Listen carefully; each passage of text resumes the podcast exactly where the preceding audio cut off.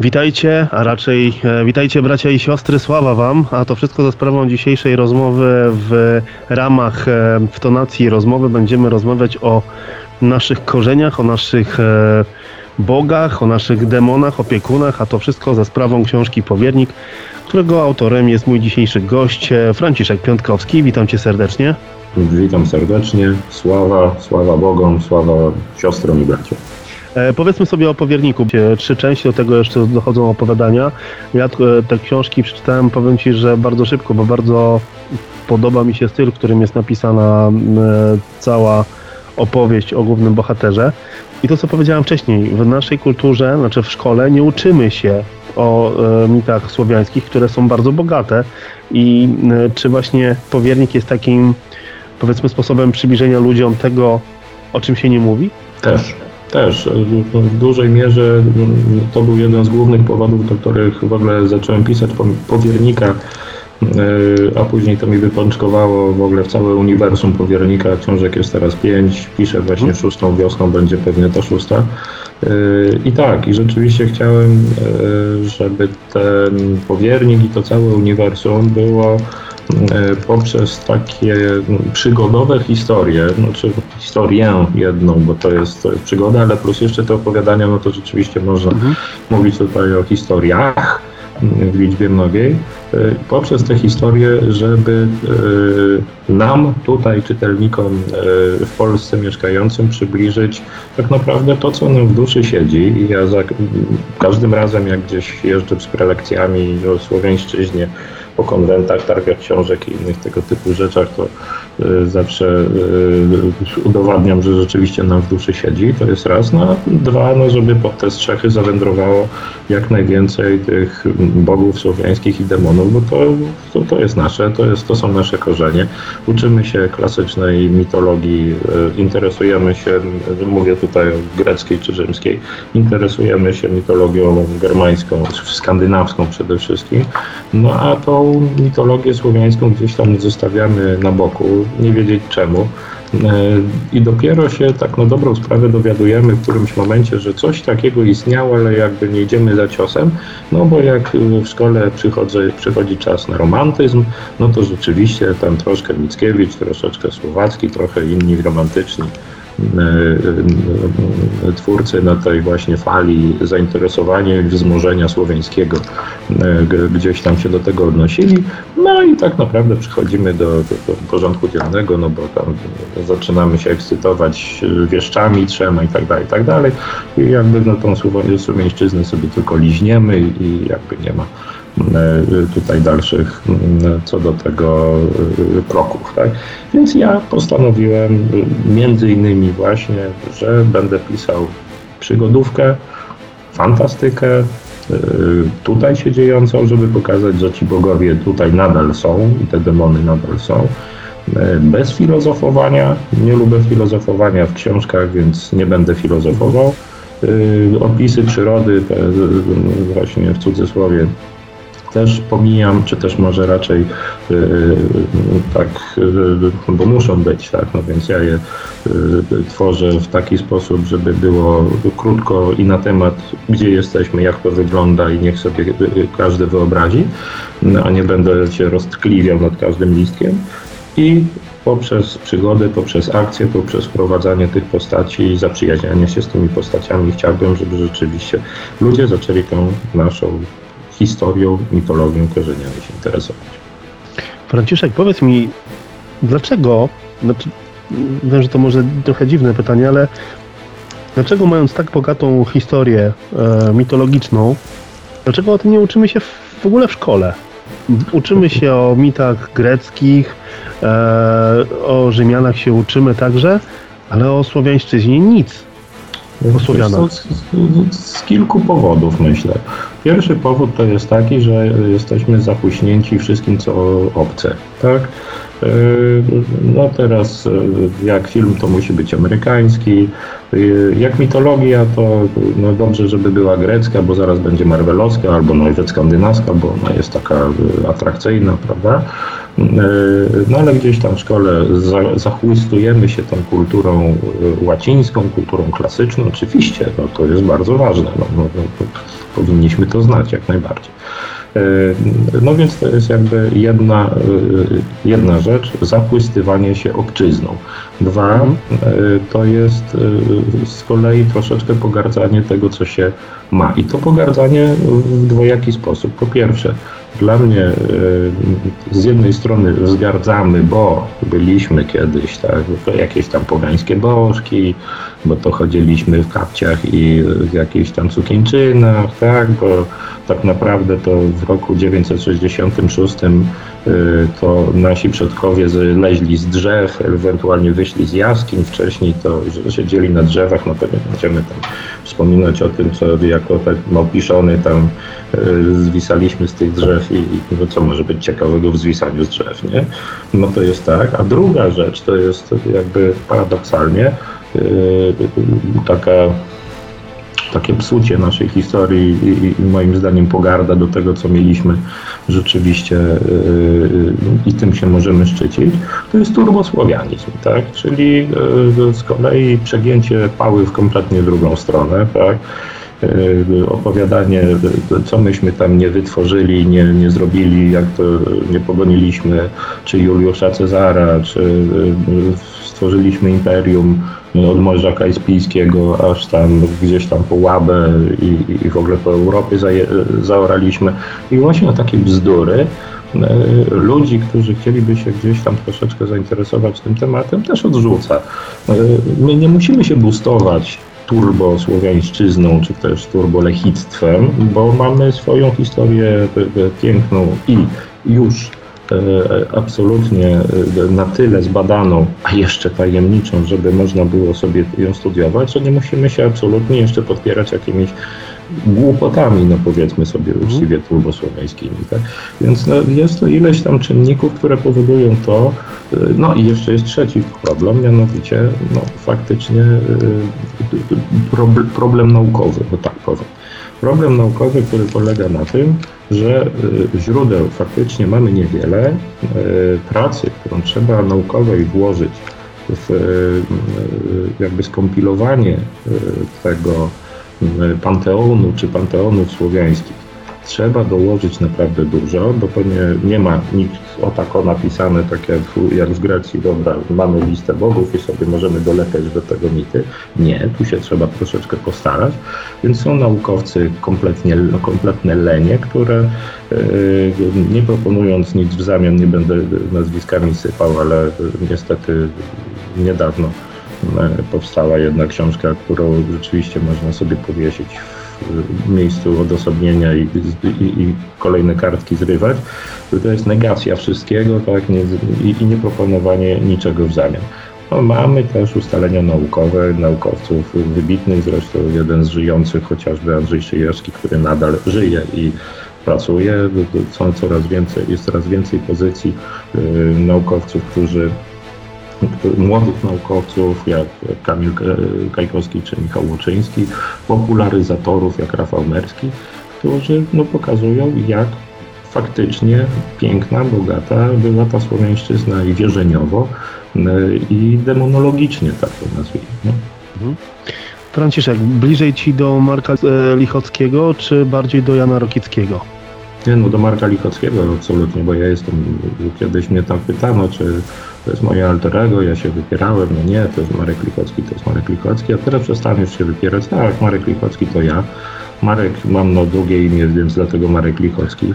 E, Marek Lichocki jest adwokatem, ja też. Marek Lichocki jest rodzimowiercą, ja też i jeszcze żercą na dodatek, więc ja też. E, generalnie e, podejście czy tak, Marka do życia jest bardzo podobne do mojego. Może ja jestem leciusieńko tylko, leciusieńko skromniejszy od Marka Lichockiego, no ale Marek Lichocki, jak nie patrzeć, jest wyznaczony przez bogów i wybrany przez bogów. Ja jeszcze tego nie wiem, ale może się niedługo dowiem, więc no, on ma jakby prawo do tego, żeby tej, tej skromności mieć minimum.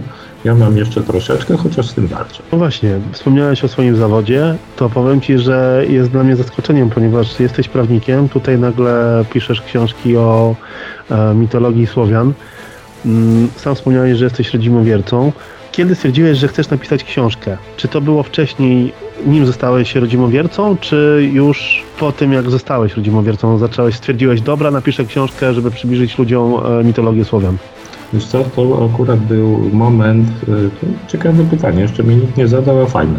E, to był moment, kiedy ja już się określałem jako rodzimokulturowiec i byłem już w środowisku rodzimowierczym powiedzmy jedną nogą, ale jeszcze nie określałem się jako rodzimowierca. Ja byłem wtedy takim rodzimokulturowcem neofitą. To był rok tam powiedzmy 2005, 6, 7, 8 kiedy tak naprawdę gdzieś tam na to środowisko rodzimowiercze natrafiłem i zaczęło mnie fascynować. Ja się jako rodzimowierca określam, trudno mi powiedzieć od kiedy, być może to był rok 2010, e, plus minus, tak? No, no gdzieś tam parę lat minęło od tego 2005 roku, bo pamiętam, że to wtedy się zaczęło, żebym ja w to wszystko już tak wlazł, tak po czubek głowy. No i to mniej więcej właśnie w tym okresie, jak ja właziłem, to stwierdziłem, że ja to bym chciał tych bogów mieć tu i teraz, tak? Mhm. Nie, nie, nie znalazłem żadnej literatury właśnie fantastycznej, która by o tym traktowała, bo to mieszko przed mieszkiem, po mieszku, tak, trochę tego było, chociaż też nie, bo inno to jest kwestia innego tematu, jak bardzo wystrzeliła teraz literatura słowiańska, czy też słowiańska fantastyka w ostatnich kilku mhm. latach. No, kiedyś to były dwie, trzy pozycje rocznie, teraz to są trzy, cztery pozycje miesięcznie, nowe wydawane. E, no ale wtedy ja niczego takiego nie znalazłem, więc pomyślałem sobie, a to ja sobie zacznę pisać sam dla siebie, sobie będę opowiadał historię. No i mniej więcej tak się zaczęło i później to się tak pisałem, pisałem przez wiele, wiele lat. W końcu to się okazało, o, książkę napisałem, tak? A później co się tam działo z tą książką, Jakie były historie, to też jest historia, którą gdzieś tam na spotkaniach autorskich czasami opowiadam. No w skrócie mówiąc, krótko, y, moja żona z przyjaciółmi doprowadziła do tego, że się stałem self-publisherem i dostałem książkę na 40 urodziny. Powiedz, ty topór dostałeś, dostałem 100 egzemplarzy wydrukowanego powiernika.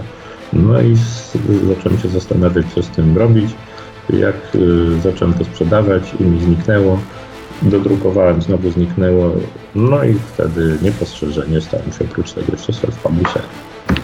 Nie uważasz trochę, że na przykład przez to, że mm, na przykład te środowiska mm, rodzimowierców zrobiły się takie bardziej, wydaje mi się, otwarte na ludzi i te wierzenia Słowian trochę zrobiły się na topie, fancy?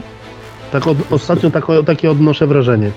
Wiesz co, to jest też znowu szereg ileś, iluś tam czynników i ileś tam jakby e, form czy też propozycji atrakcyjnych dla różnych osób. E, jak ja zacząłem działać, to jeszcze Facebooka nie było, to, to młodsi pewnie tego, tego rodzaju historii to czytają między bajkami o dinozaurach. Czasy przedfacebookowe, wtedy to, to jeszcze na forum się... Nasza klasa to. Proszę? Grono, nasza klasa, grono. Tego nie było, tego nie było. Właśnie były fora takie, wiesz, na, na, na, SQL czy, czy czymś. A, okej, okej. Mhm. Takie fora internetowe, myśmy tam y, dyskusje przeprowadzali przeróżne, to, więc się na forach dyskutowało. Y, I wtedy rzeczywiście to środowisko było hermetyczne, zamknięte, dziwaczne i niestety, y, niestety mocno infiltrowane, tak to powiem, przez e, takie skrajnie prawackie e, towarzystwo. E, na szczęście z biegiem lat, a nie ukrywam, Facebook dużo w tym pomógł, kiedy już się pojawił. Z biegiem lat to środowisko zaczęło normalizować się i oczyszczać. Także tych takich skrajnych postaw po pierwsze coraz mniej e, się robiło i e, jeżeli w ogóle były, to były pacyfikowane przez, przez ogół. Środowisko rodzimowiercze zaczęło się rzeczywiście, może na, na chwilę, jeszcze nawet teraz nieśmiało, ale odcinać od takich skrajnych postaw, czy z lewej, czy z prawej strony, obojętnie, ale, ale jednak każda skrajność jest do niczego. Więc rzeczywiście to, to odcinanie następuje i cały czas jest. No i zaczęło normalizować się. I to też był jeden powód, dla którego ludzie zaczęli się do tego przekonywać, bo wcześniej to, to albo jakieś kosmici latający przebrani po lasach i, coś dziwnego e, robiący, albo na ziole, tak? No, to, to odium takie było. Teraz już tego nie ma, nie widać, przynajmniej tego nie widzę. Więc to jest jedna rzecz. Druga rzecz to jest yy, w ogóle ogólny boom na słowiańszczyznę. To, co mówiłem wcześniej, że kiedyś było dwie, trzy książki rocznie, teraz jest trzy, cztery książki miesięcznie, to jest fakt. Z tym, że to się mniej więcej zaczęło tak plus minus około 15, 2015 roku, 14, no 15-16 mhm. Y, i tam rzeczywiście w zasadzie to ja to datuję od momentu, kiedy się pojawiła gra Wiedźmin, Wiedźmin 3. Y, I o ile Wiedźmin rzeczywiście słowiański może nie jest, y, sama książka, to gra zrobiła strasznie dobrą robotę, przynajmniej moim zdaniem, bo ten duch słowiański już nie mówiąc o tym na przykład wyposażeniu wiedźmińskim, jakie on no, nawet imiona bogów, przecież tam jakieś kamienie z imiona, bo, imionami bogów, jakieś te eliksiry były takie bardzo słowiańskie. Klimat był taki y, usłowiańszczony, gdzieś tam ta prowincja y, pod Nowigradem, czy, czy, y, czy tam gdzieś, y, jak, on, jak ten Wiedźmin gdzieś tam łaził, dalej od miasta rzeczywiście był taki, taki, taka słowiańszczyzna, taka nasza. No więc to naprawdę zrobiło świetną robotę. Później gdzieś tam wystrzeliła seria taka, no może, może trochę kobieca, ale y, seria Katarzyny Bereniki Niszczów. Y, Kwiatu Paproci też zaczęło to się y, fajnie sprzedawać i troszeczkę wyszło do tego takiego literackiego mainstreamu, tak to nazwijmy, i się zaczęło rzeczywiście pojawiać sporo coraz więcej tych, tych e, takich e, twórców, którzy w tym e, zakresie zaczęli, znaczy w, tym, w tej tematyce zaczęli się obracać. No i jeszcze jedna rzecz, która jest taka dosyć no, no, znamienna, ale to też jest jakieś zjawisko i ja wcale go nie potępiam. No, mianowicie tajemniczość tej słowiańszczyzny polega na tym, że jest to atrakcyjne dla młodych ludzi tak? Dla młodych ludzi, którzy z jednej strony, sam mówiłeś, no, gdzieś tam w jakimś tam szczątkowym obrzędzie y, y, uczestniczyłeś i ciary były, tak? No, no tak. To jest, to jest mhm. jedna rzecz. Druga rzecz, no na przykład sporo takich młodych dziewczyn chce nagle zostać wiedźmami, bo to jest jakaś tam wiedza tajemna, tak? No fajnie, że nie wikka, fajnie, że nie jakieś tam szamaństwo, okultyzm i inne tego typu rzeczy, tylko chciałyby być słowiańskimi wiedźmami. No ktoś musi, może się na to krzywić, ezojulki i tak dalej. No to też jest jakieś ciekawe zjawisko, które może później wyewoluować w coś ciekawego, tak? Więc ta tajemniczość też siorbie jakby. No i tak naprawdę od tego 2015 czy 2016 roku mamy cały czas no taką do góry, taką absolutnie wznoszącą falę na tę słowiańszczyznę. Wszelaką może. Nie uważasz, że trochę też legenda Allegro trochę pomogły trochę też, e, żeby przybliżyć pewne rzeczy, jeżeli chodzi o kwestię słowian? Bo, bo te legendy Allegro, tą słowiańszczyznę, to tak naprawdę gdzieś tam leciusieńko zahaczały. Gdzieś tam mamy tego Peruna, który tam o wolności mówi na koniec filmiku jeden. Mamy tę Jagę fajną taką, mhm. co tam rozpierduchę może zrobić. No ale reszta, no to jest jednak taka, to taki takie diabelstwo takie, nie? Zresztą, żeby było śmiesznie, to trochę wyspoileruję, właśnie wczoraj napisałem fragment, w którym zacytowałem pewną, e, pewną wypowiedź Twardowski 2.0 e, jako pewien hołd właśnie dla tych legend, e, dla tych legend Allegro, no i to w czwartej części się pojawi faktycznie, także nie wiem, no nie ma przypadków, tak jak Marek Lichocki mówi ja zresztą też. Dzisiaj ty mówisz o Allegro, a ja wczoraj w nowej książce napisałem taki fragment.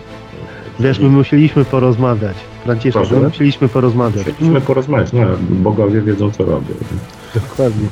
E, ja żałuję też przede wszystkim, że te e, legendy Allegro nie zostały pociągnięte, bo myślę, że to mógłby być naprawdę fajny temat. Och, jak ja żałuję, to by było, to, to, to Wiedźmin ten Netflixowy by się chował pod każdym możliwym głazem. No, po prostu, to, to, no, Dokładnie to, tak. to mogłoby być co. w książkach odwiedzimy trzy krainy: Jawie, Nawie i Prawie. Powiedz mi, która z tych krain jest Ci najbardziej bliska sercu i czy masz swojego ulubionego, nie wiem, opiekuna, Boga, którym się najbardziej utożsamiasz? Wiesz co, to druga część pytania, to też fajne zresztą pytanie, yy, ale łatwo mi na tę drugą część odpowiedzieć. Bo tak, tak zresztą to, to nawet widać w książkach, tak? I to widać, że gdzieś tam mi się troszeczkę tam jakby wyele, wyewoluowały pewne rzeczy. Mhm. Powiernik jest absolutnie strzybogowy. Ja zresztą się określam jako strzybogowiec, yy, więc yy, no jakby, jakby jest to naturalna kolej rzeczy, ale tak naprawdę gdzieś tam no, w trakcie tego wszystkiego, tego, tej, tej mojej całej przygody z błogami słowiańskimi, e, gdzieś tam pojawiła mi się e, fantastyczna żona.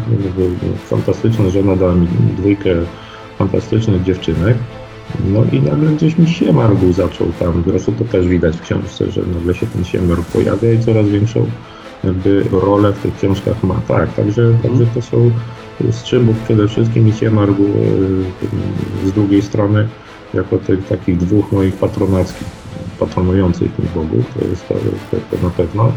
E, no i jeżeli chodzi o tę pierwszą część pytania, to, to widzisz, to miałbym problem, bo każda z tych krain jest, jest jakaś mi tam bliska. No w Jawi żyjemy, więc no, no tak. ciężko, ciężko żeby, żeby nie było blisko. Nawię przedstawiłem troszeczkę jako taką y, dla żyjącego człowieka nie za ciekawą krainę.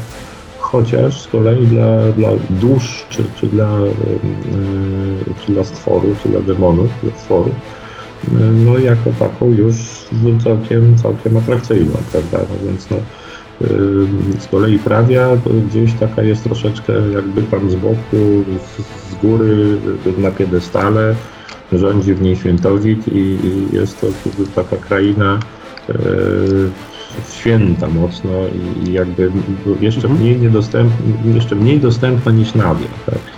E, także powiem Ci szczerze, lubię wszystkie te trzy krainy, jeżeli chodzi o kreację literacką oczywiście, którą tutaj sobie wykonałem, więc nie jestem w stanie Ci akurat odpowiedzieć, która jest moja ulubiona. Tak? Naprawdę. A w której chciałbyś żyć? Że, że chciałbym żyć w Jawi, tak? Spokojnie sobie chciałbym żyć w pisać sobie te swoje książki, mieć święty spokój, siedzieć na przykład na, na jakiejś wyspie, najchętniej na Oceanie Indyjskim, bo tam mi się najbardziej podoba, bo jest ciepło, fajny ocean i, i w ogóle jest ok.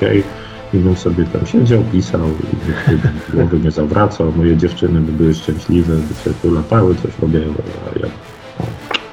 tak, taki, taki mam gry plan na przyszłość. Oprócz książki mamy też audiobooki, e, które też się bardzo fantastycznie słucha. Mm, ale mm, nie myślałeś trochę, żeby na przykład, jeżeli chodzi o kwestię powiernika, stworzyć taką super produkcję audio i wydaje mi się, że mimo wszystko te książki są bardzo fajnie napisane, wciągające, no bo wciągają w ten świat e, podań, bogów, e, demonów i naszych korzeni ale mm, myślę, że są bardzo też dobrym podkładem do na przykład serialu. I gdybyś miał na przykład wybrać, powiedzmy, z aktorów polskich, e, amerykańskich, no ogólnie ze świata, kogo byś widział na przykład w roli Marka Lichockiego? Tutaj pojawiły się dwa pytania. Wiesz co, ale znowu, znowu wiesz, e, ja powiem Ci szczerze, ja nawet e, zrobiłem kiedyś taki konkurs dla moich followersów na fanpage'u. E, kto by mógł zagrać Marka Lichockiego e, z polskich aktorów. E, I został tam wybrany e, człowiek, który mi rzeczywiście, znaczy wybrany, no ja go wybrałem, tak, tutaj była propozycja tego człowieka, który faktycznie mi pasował. Tylko ostatnio zrobił z siebie takiego lamusa, że mm, nie będę wymieniał jego nazwiska i, i, i też nie, nie, gdzieś tam na ofie ewentualnie możemy powiedzieć, że fakty, faktycznie taka, takie, taka zabawa była. Na tę chwilę kurczę, musiałbym pomyśleć trochę, kto to mógł być. No, bo musiałby być to jakiś 30-latek Trochę mi, ale chyba już troszeczkę będzie za stary, kurczę, Chris Hemsworth na przykład, ten co gra Tora. Troszeczkę mi tak fizjonomią lekko. Ale jego pasuje. brat, chociaż nie, on też nie, bo będzie Wiedźminem. On będzie Wiedźminem, ale jego brat jakiś taki, to, to, to, już, to już coś ma w twarzy nie takiego, kurczę. No właśnie, właśnie powiem Ci jeszcze, zresztą wypadłem trochę z obiegu, jeżeli chodzi o oglądanie seriali, czy w ogóle oglądanie y, y, telewizji, bo po prostu nuda, no panie, no, nuda. Znaczy, wiesz co, ja ci powiem, że na przykład, e, okej, oglądałem serial Wikingowie, ten pierwszy serial, nie, nie, nie mówię o tej kontynuacji. Mm, I tak na dobrą sprawę ja mogę powiedzieć, że tam powiedzmy do tego trzeciego sezonu, kiedy jeszcze Travis Fimmel grał e, Ragnara, to jeszcze to można było fajnie oglądać, bo była ta charyzma, był ten aktor naprawdę według mnie świetnie dopasowany do tej roli. Tak samo mamy na przykład według mnie, jeżeli chodzi o Wina Diesela, który fantastycznie e, zagrał powiedzmy w, w Pitch Black. E, Robert Downey Jr. to człowiek, który idealnie pasuje do Tonego Starka. E, Hugh Jackman to jest według mnie idealny Wolverine. I to, co powiedziałeś, że znalezienie odpowiedniego aktora to nie jest prosta sprawa, tym bardziej, że wiesz, na przykład te Keanu Reeves według mnie zagrał idealnie Konstantina. Tak, tak, znaczy tylko wiesz, no, to, to problem jest jeszcze, że gdzieś tam no, w pewnym momencie ten aktor ci y, y, tak wrasta w rolę, no tak naprawdę, no, no właśnie Rob- Robert Downey Jr., który powiedziałeś, no, no ileś tam ról zagrał, ale tak naprawdę y, Downey Jr. jest Starkiem, no i, i cześć pieśni, już, już to się nie odstanie, tak? No niby tak, ale wiesz, mamy na przykład Air America, gdzie zagrał razem z Melem Gibsonem, mamy e, Sherlocka Holmesa e, w reżyserii Gaja Ritchiego, gdzie on też fantastycznie się wcielił. Zgadza się. I ja lubię te dwa Sherlocki Holmesy, które Guy Ritchie nakręcił, ale dla mnie wciąż Robert Downey Jr. jest Tonym Starkiem. No i koniec pieśni. Tak pewnie będzie też z Hugh Jackmanem, który wiecznie będzie, wiesz, Będzie- e, Przestanie być tam tym Walcheringiem nieudanym zresztą tak do końca. Stanie się Wolverinem. Nie? No i tak tak samo Hemsworth będzie Torem. Yy, tak samo yy, ten, no, yy, Tom Cruise, co by nie zagrał, to i tak i tak będzie Missionem Impossiblem. Więc no, no niestety gdzieś tam są takie przyzwyczajenia, więc powiem Ci szczerze, no, to, to ciężki orzech do zgryzienia. Wiesz, kogo ja bym tutaj widział? No, no, przede wszystkim to fajnie by było, jakby, jakby ten serial w ogóle był pomysł na to, żeby taki serial powstał. Oczywiście bardzo chciał, to marzenie. Nie? E, No ale, no, ale no, no, zobaczymy. No. Niestety, ale no, może serial audio. znaczy wiesz, serial audio to już jest kosztowna produkcja, tak czy inaczej, bo oczywiście, że tak powiem, w ramach e, do ogarnięcia, jeżeli chodzi o, o faceta, który się e, samowydaniem, samowydawaniem para, tak jak ja, ale byłoby to do uniesienia, szczególnie, no, że to, co zrobił audiobook, czy też audiobooki raczej e, i, to, co zresztą na tych audiobookach genialnie zrobił Wojtek Rządkowicz, no to e, uświadomiły mi, że to by zażarło. Tak, bo, bo ja nie wierzyłem, co się dzieje przez wakacje, jak na początku lipca wpuściliśmy to do, e, do obiegu. No, to tam w dziesiątkach tysiąca, tysięcy godzin się to odsłuchiwało. Wiem, bo mi mój e, dystrybutor przedstawiał, właściwie codziennie mi wysyła, ile się słucha. Tak, a jak mi przedstawił wyliczenie z samego, e, samej jednej platformy, nie wiem, czy mogę mówić e, nazwami, czy nie za bardzo, Możesz. Mogę.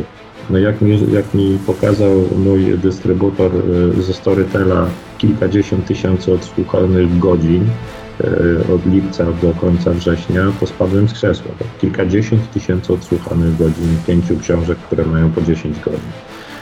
Y, No, no to, to, to Robi no, wrażenie. Nie mówiąc o innych platformach, bo to mówimy Mhm. o tylko platform.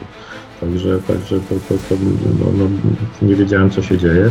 No i można by było rzeczywiście to gdzieś tam o to się pokusić, no ale oprócz tego, że piszę inne tego typu historie około uniwersumowe wykonuję, no to jeszcze wykonuję zawód. No, niestety nie jestem na 100% pisarzem, tylko na 50%.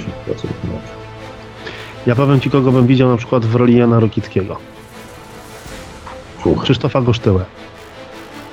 no, to tak, tak, tak, tak, to by pasował. wypasował. Jest odpowiednio, odpowiednio, odpowiedni wiekiem, odpowiednio siwawy, także, także no. No i on, wiesz, Głos, potrafi zaczarować. On I potrafi głos. zaczarować, bo tym głosem on po prostu w audiobookach też potrafi naprawdę zdziałać e, fantastyczne rzeczy. Świetny zawodnik, to trzeba powiedzieć. No to klasa jest. tak. No, to, to, to, to, niezły wybór, powiem szczerze. Coś Niezły wybór. podpowiedziałem. Powiem Ci szczerze, że gdzieś tam wiesz, ja z Markiem Rokickim, no, z Markiem Lichockim mam problem, nie kogo bytu. No to rzeczywiście musi być facet gdzieś tam plus minus 35 lat. Mm, Gdzieś tam może bym się domyślił, kogo bym chciał jako e, na przykład miłą, tak, czy, czy gdzieś tam e, żonę e, Marka, Aśkę, to, to, to by mi pewnie było łatwiej, a jakoś tego kurde Lichockiego nie mogę sobie umiejscowić. A propos Aśki, to ja mam takie wrażenie, że ona jest non-stop napalona. E, Aśka czy Lichocki? Ż- Żona Marka, żona Marka. Żona Marka. Wiesz co, wiesz, no gdzieś tam ja mam takie czasami wrzutki od, od tych, co tu przeczytają, a że za słodko jest między Lichockimi, tak, a że Aśka to taka jest rzeczywiście jakaś, o, tak jak ty teraz powiedziałeś, ale ja ci powiem szczerze, no skoro Lichocki to taki, to taki ja, no to można sobie dośpiewać, jak ja tam w małżeństwie mam, nie? Mhm. No dobrze, mamy pięć książek od Ciebie, jeżeli chodzi o powiernika i świat związany z powiernikiem. Powiedziałeś, że e, szósta część już wkrótce. Czego możemy się spodziewać w szóstej książce? No widzisz, tak żeby nie walić spoilerów, na pewno będzie to bezpośrednia kontynuacja tego, co się to, to, to, gdzie urwaliśmy w, w trzeciej książce serii, znaczy w trzeciej części serii, czyli w Obrońcach, Mhm. bo mm, dwa tomy opowiadań nam uzupełniają tę serię, tak? czy tam gdzieś tam opowiadają jakieś historie w tle. E, Ale seria no to jest powiernik widzący i obrońcy. I tam, gdzie skończyliśmy w obrońcach, to mniej więcej startujemy z akcją tak mniej więcej 10 dni do, do dwóch tygodni po tym, co się e, zadziało w obrońcach. E, Uważni czytelnicy i obrońców i, e, i ostatniego tomu opowiadań, czyli widzący bogowie stwory, będą mogli się pewnie domyślić, co się pojawi w czwartej części.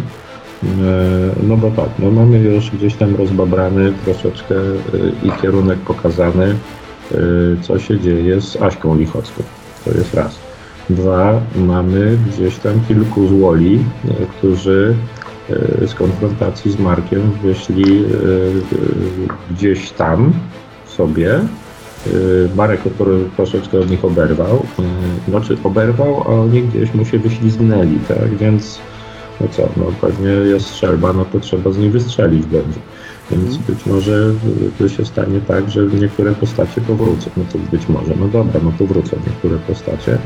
Yy, Stanie się też coś, co yy, mam nadzieję niektórych ucieszy. Nie będę mówił co. Yy, To zdradzajmy. Proszę. Nie zdradzajmy. Nie zdradzajmy, czytelnicy obrońców może, może tam się też mogą troszeczkę domyślać. No i e, oczywiście no, cały czas będziemy gdzieś tam walczyć ze złem. E, no Trojan niby jest pokonany. Pytanie, czy tak do końca. E, Wiezdar niby jest spacyfikowany. Pytanie, czy tak naprawdę. No i trzecie pytanie, czy Trojan rzeczywiście jest takim złojem ostatecznym, tak? I chaosem ostatecznym. To wszystko w czwartej części. A ile części planujesz? Yy, Wiesz, jak pisałem powiernika, planowałem jedną. No, nie udało się. No. Ale masz jakiś taki plan, że tych części będzie, nie wiem, 6, 7, 8.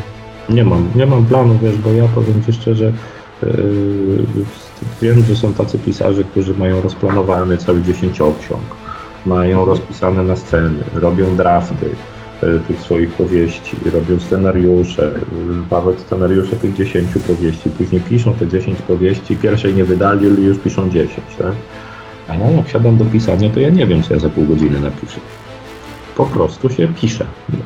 Ja siadam i piszę. o, jak teraz usypiałem dziecko, żeby no, spokojnie z tobą porozmawiać, to ja wymyśliłem scenę właśnie do tej czwartej części e, kolejną, e, leżąc z dzieckiem i dumając, to dziecko sobie zasypiało, a ja dumałem, co tu napiszę tej, tej historii i bach, coś, coś mi wpadło do głowy, tak? Więc ja sobie to za chwilę e, wklepię. Więc jakby jakiś taki ramowy programik mam na tę powieść, Zresztą na każdą powieść jakiś tam miałem szkielecik, że, że powinno się wydarzyć to, to, to i zakończy się mniej więcej tak. Ale jak mnie ta fantazja ułańska poniesie, ja nie mam zielonego pojęcia. I ja sobie powiedziałem, że czwarta część serii to będzie ostatnią częścią serii. Może jeszcze dorzucę do tego jeszcze jeden zbiór opowiadań, chociaż nie wiem, zobaczę, ale lubię pisać opowiadania, więc nie wykluczone. No nie będę się zarzekał, tak, absolutnie zamykam uniwersum powiernika na tej części, bo już mi się nie udało w pierwszej, drugiej i trzeciej części tego zamknąć, więc nie będę mówił, że w trzeciej, że w czwartej zamknę. Mhm. Powiedz masz jakiś e, powiedzmy rytuał e, związany z pisaniem? Nie wiem, słuchasz jakiejś muzyki, przygotowujesz się jakoś specjalnie do tego, żeby pisać? Czy po prostu siadasz, kawa, herbata, kakao i piszesz.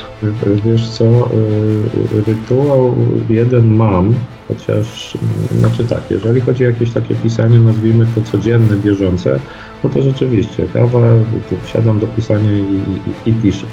Ale najlepiej mi się pisze i to jest tenże mój właśnie rytuał, że ja y, wyjeżdżam w południe w piątek w dzicz, Mam takie trzy miejsca kompletnie dzikie y, w, w takich okolicznościach przyrody, które nie dopuszczają do siebie telewizji. Y, gdzieś tam czasami zasięg jest, a czasami że go nie ma. Jestem zupełnie solo. I tak siadam w tym miejscu i piszę. Od piątku po południu do niedzieli po południu nic nie robię, tylko piszę, śpię, wypełzam po kawę i jedzenie. I kompletnie nic innego. Yy, nie mam. Tak? I wracam z takiego wyjazdu, to są takie moje weekendy pisarskie, ja z takiego wyjazdu przyjeżdżam z 20-30 napisanymi stronami, może czasami więcej, czasami mniej. Jak piszę opowiadania, to z jednym albo dwoma opowiadaniami i jestem zadowolony. To masz jakiś gatunek literacki, z którym chciałbyś się zmierzyć? Tak, z realizmem magicznym. Zdecydowanie i marzy mi się, żeby kiedyś napisać taką książkę, może nawet po tym swoim mieście i tak, tak troszeczkę zaczynam patrzeć na to moje miasto w taki sposób, czyli na Lublin, e, ale marzy mi się napisać e, lubelski cień wiatru, o, e, bo jestem absolutnie urzeczony zafonem i jego sposobem pisania. Wprawdzie nie potrafię i też w powierniku nie lubię nawet, powiem szczerze, bo powiernik inaczej, znaczy w uniwersum. Uniwersum jest konstruowane inaczej. W uniwersum ja stawiam na dynamikę, ja chcę tej dynamiki. Mhm. Y, moje zdania brzmią w taki sposób, że one gdzieś tam nawet i równoważnikami zdań są, a nie pełnymi zdaniami. Zafon potrafi napisać y, nienudne zdanie na pół strony y, i to jest piękne, tak? I chciałbym gdzieś tam kiedyś taką stronę pójść, ale to jeszcze nie jest ten czas.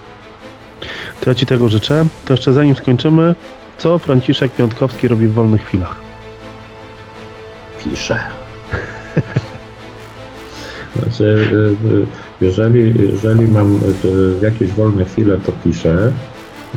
A jeżeli mam takie chwile, że absolutnie już nie piszę, bo, bo takie mam postanowienie, bo czasami trzeba i od tego odpocząć, mhm. to podróżuję to podróżuję, staram się wyrywać e, i gdzieś tutaj dookoła miasta i tak, żeby pojechać na drugi koniec świata. Mogę, że tak powiem, każde środki i, i wysiłki i czas poświęcić na to, żeby podróżować. Taki kierunek polecasz najbardziej? Yy, Ocean Indyjski, zdecydowanie. Właśnie planuję kolejne, kolejną wyspę na Oceanie Indyjskim. W tamtym roku i dwa lata temu też byliśmy na Oceanie Indyjskim, yy, także, także na razie skaczemy po wyspach i no, to, to jest miejsce, gdzie się najbardziej, najlepiej czuję, szczerze. Morze Śródziemne, najchętniej ta hiszpańska część i Ocean Indyjski. Moi drodzy, dzisiaj moim gościem był Franciszek Piątkowski, autor Uniwersum Powiernika, wyjątkowej książki, gdzie znajdziecie to, co jest w nas, nasze korzenie, naszych bogów, demo, e, demony, opiekunów. Zachęcam także do tego, żebyście spojrzeli na e, opowieści, e, które też, opowiadania, które znajdziecie, które są powiązane z powiernikiem. Franciszek, Ci mega dziękuję za tą rozmowę, bo to jest naprawdę fantastyczna według mnie rozmowa i bardzo ciekawa. Jeżeli jesteście ciekawi tego, co ciekawego jest w słowiańskiej mitologii, zachęcam was, właśnie was e, do tej książki. Mogę powiedzieć jedynie sława. Sława, bardzo dziękuję, bardzo mi się fajnie rozmawiało, super pytania, także dzięki za, za, za ten czas.